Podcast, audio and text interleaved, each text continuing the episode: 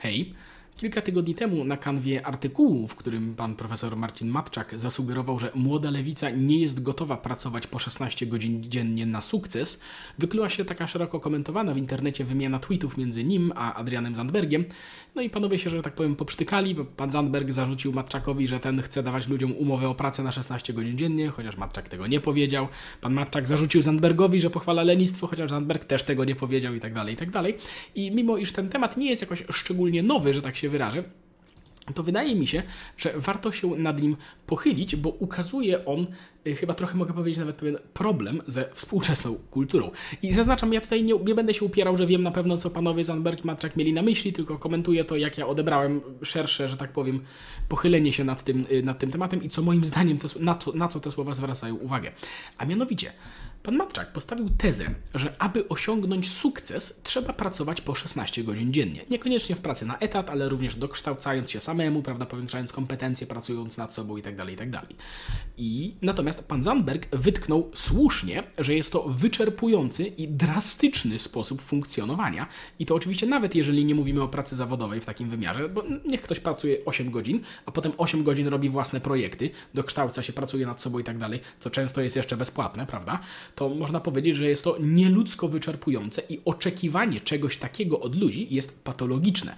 To nie jest normalne. Nie można tego traktować jako normy, co jest, myślę, moim zdaniem, jak najbardziej słuszną uwagą. Aczkolwiek z tej krytyki, zarówno ze strony Zandberga, jak i innych ludzi, którzy też podjęli taki kąt właśnie krytykowania, y, wy, wyłania się taki zarzut, że to stawia ludziom jakieś nieludzkie wymagania i tak dalej. No, że przecież gdyby, że przecież tak się nie da żyć, prawda? Że jest ekstremalnie trudno tak żyć, no i, i że gdyby faktycznie tak było, jak pan Matczak pisze, to niewyobrażalnie trudno byłoby osiągnąć sukces. Ale czy to na pewno jest kontrowersyjne stwierdzenie? No bo czym właściwie jest sukces, jeżeli się spojrzy na to? Mm, no to oczywiście pierwsze znaczenie to jest tam jakiś pomyślny wynik jakiegoś przedsięwzięcia, w czymś osiągnąć sukces, prawda? Ale drugie to jest zdobycie sławy, majątku, wysokiej pozycji i tym podobne. I jeśli tylko mamy na myśli to drugie znaczenie, a wydaje mi się, że w kontekście ekonomicznym o to właśnie chodzi, no to sukces, czyli bycie wysoko w hierarchii, to nie jest coś, co każdy może osiągnąć. Znaczy, sukces z definicji jest czymś, co wyróżnia cię na tle reszty, wybija ponad innych. Jeśli wszyscy by się wyróżniali, to nie byłoby to wyróżnienie, tak? Jak wszyscy są super, to nikt nie jest. I w stwierdzeniu, że na sukces trzeba zapierdalać 16 godzin dziennie, nie ma żadnej sugestii, że powinno się tego od ludzi wymagać. Wręcz przeciwnie, ja bym zrozumiał to tak, że jako dodatkowe podkreślenie, że tylko nieliczni to potrafią i niewiele taki sukces osiągnie. Tylko, że teraz, słysząc to, współczesny człowiek, może czuje się poniżony. Jak to? Ja nie osiągnę sukcesu? No i statystycznie rzecz ujmując, prawdopodobnie nie, przynajmniej nie rozumianego w ten sposób. Większość ludzi nie będzie na szczycie ani wysoko w hierarchii. A kto komu, czy ktoś wam powiedział, że osiągniecie taki sukces, że tak zapytam? No i tu się zaczyna robić właśnie ciekawie, bo rzeczywiście, chyba od małego wszyscy mówią, całkiem sporej ilości ludzi, że tak, że musisz osiągnąć sukces, że musisz być na szczycie, że do tego warto dążyć i że to jest ci przeznaczone, jeżeli tylko będziesz chciał. Ostatnio na Wojnie Idei tak nawet była analiza Fight Clubu. To jest film, który ma już ponad 20 lat, ale tam też mamy wkurzonych bohaterów, których Wtedy telewizja wychowywała do tego, że każdy może być sławny, każdy może być bogaty, ale życie pokazało, że chyba jednak nie. A teraz, tak szczerze mówiąc, jest jeszcze gorzej, prawda? No bo na przykład połowa brytyjskich szesnastolatków yy, uważa, że ich wymarzoną karierą jest bycie sławnym. Po prostu. Nie, mniejsza o szczegóły. A najpopularniejszym zawodem, jakie chcą wykonywać teraz dzieci, jest celebryta. I ja wiem, że istnieją przypadki ludzi, którym wszystko spadło z nieba, prawda? Ja wiem, że można, wiem, odziedziczyć jakąś tonę hajsu, albo można małym wysiłkiem wszczelić się w jakąś ekstremalną niszę i, i przez przypadek, że tak się wyrażę, osiągnąć sukces. Ja wiem, że takie przypadki, przypadki się zdarzają, ale w ogromnej większości sytuacji ludzi, którzy wydrapali się powyżej średniej, tak chyba jednak nie jest. To znaczy, postrzeganie tego może być zaburzone, bo w mediach, prawda, ogląda się garstkę ultra bogatych celebrytów, którzy stanowią jednak jakiś promil, nawet nie tylko społeczeństwa, ale promil samych ludzi bogatych przecież, prawda? Przy okazji można też zapytać, czy taki rodzaj sukcesu, właśnie bycie rozpoznawalnym w telewizji, etc., rzeczywiście ma pozytywny wpływ na życie tych ludzi, bo myślę, że można by z tym polemizować, ale to jest oso osobny temat. Natomiast patrząc na tej warstwie ekonomicznej, od której to się zaczęło, na zarobki, to takim sposobem na taki najprostszy, można powiedzieć, sukces w cudzysłowie w hierarchii, czyli dołączenie do grupy zarabiającej ewidentnie powyżej średniej, tak, grupy, której z polskiej perspektywy można nazywać się bogata i do której, co ciekawe, wejście jest tak zasadniczo otwarte, tą grupą są przecież przedsiębiorcy, właściciele firm. I tutaj, jak się okazuje, jeżeli spojrzymy na przykład na badania firmy Sage, chyba tak się wymawia, y, w Polsce statystyczny właściciel firmy spędza w pracy średnio o 4 godziny więcej od pracownika etatowego. Blisko co trzeci przedsiębiorca przyznaje, że jego tydzień pracy przekracza 50 godzin. To jest badanie przeprowadzone w małych i średnich firmach. To nie jest jeszcze 16 godzin dziennie, ale zbliża się do tego. A kolejno według badań Taxker tylko co czwarty przedsiębiorca w ogóle miewa urlop, a reszta albo w ogóle go nie ma, albo z urlopu nadal w jakimś wymiarze pracuje zdalnie. I pomijając już takie kwestie, jak to, że na początku przecież zakładania jakiejkolwiek działalności trzeba mieć dobry pomysł, trzeba zaryzykować, trzeba ponieść koszty, które niekoniecznie się zwrócą, bo nie ma gwarancji, że to wszystko wypali, to już mniejsza o to. Jeżeli już się ktoś, że tak powiem, y, wykręci mu się to, to ilu ludzi jest gotowych tak żyć? Pracować po kilkanaście godzin dziennie, albo po kilkadziesiąt, pięćdziesiąt powiedzmy godzin w tygodniu. A to jest najprostszy sposób tak naprawdę na bycie bogatszym niż większość Polaków, na sukces w takim rozumieniu tego słowa. I tak, taka forma sukcesu, jak widać, zazwyczaj wymaga ogromnego zapierdolu, a przynajmniej większego niż przeciętny człowiek. I wiecie, wielu ludzi to robi ja też to mówię z perspektywy kogoś, kto te 50 godzin w tygodniu pewnie przepracowuje. A to i tak jest mniej niż pracowałem kiedyś na początku rozkręcania tej, tej działalności. No bo budując, no, biorąc udział w czymś, wiesz, budując coś, co nie, mnie angażuje, mam nadzieję, że jest też wartościowe, prawda, i tak dalej. I jeżeli ktoś tylko chce się angażować w budowanie czegoś swojego, w bycie właśnie w jakiś sposób niezależnym od tego wszystkiego i tak dalej, mając świadomość, ile pracy to wymaga, to spoko, wszystko jest ok. Ale uwaga, Nikt nie ma obowiązku tego robić.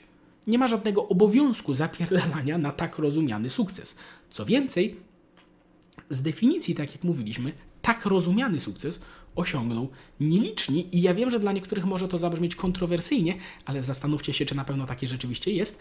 Większość ludzi będzie gdzieś wokół przeciętności a żyjemy w kulturze, która coraz częściej mówi, że coś jest z tym w jakiś sposób nie tak. I zwróćcie uwagę, jakie to jest dziwne, że stan, w którym siłą rzeczy będzie większość, no bo większość będzie około średniej we wszystkim, taki stan malowany jest jaki, jako w jakiś sposób niedostateczny, albo wstydliwy, albo coś takiego, ale dlaczego? Czy jest coś nie tak z byciem zwykłym? I zgaduję, że niektórych z Was też pojawiło się gdzieś tam już pewnie jakieś ukucie z tyłu głowy, że jak to ja będę przeciętny i tak dalej, i tak dalej a być może warto się zastanowić, czy patologicznym nie są właśnie ramy kulturowe, w których mówienie, że tylko nieliczni wybiją się ponad większość jest, co jest przecież truizmem, prawda, że to jest niby w jakiś sposób kontrowersyjne, czy nie, nie, nieuprzejme, nieprzyjemne dla ludzi, podczas gdy, no ponownie, to jest po prostu coś względnie oczywistego. Tym bardziej, że brak osiągnięcia, nie wiem, jakiegoś szczytu ekonomicznego, prawda, czy bycie w okolicach średniej, wcale nie znaczy bycie takim samym, jak reszta ludzi, bo mam wrażenie, że być może niektórzy się tego boją, ale przecież nadal można być indywidualnie różnym na wielu innych płaszczyznach. Natomiast ogólnie zastanówmy się, czy mówiąc o sukcesie, jak się wyobraża się sobie sukces we współczesnym świecie, to czy nie mamy często na myśli y, możliwość konsumowania jak największej ilości dóbr i usług. A jeśli tak, to może to też od razu rzucać nieco światła y, na to, dlaczego taki kult sukcesu mm, się w naszych realiach wytworzył, prawda, i komu jest to, że tak powiem, na rękę. Natomiast nawet w świetle tego y, nikt nie ma obowiązku za tym podążać, a tak na marginesie, nawet jeżeli ktoś ma środki do konsumowania jak największej ilości dóbr i usług, to wcale nie musi tego robić, o czym zdaje się nie wszyscy wiedzą. I ktoś mógłby tutaj zwrócić uwagę, że okej, okay, ale bycie przeciętnym czy w okolicach średniej powinno być bezpieczne, wygodne, pozwalać na zaspokajanie potrzeb. Tak, to jest bardzo słuszna uwaga. Państwo powinno być zorganizowane w taki sposób, aby starać się umożliwiać właśnie to.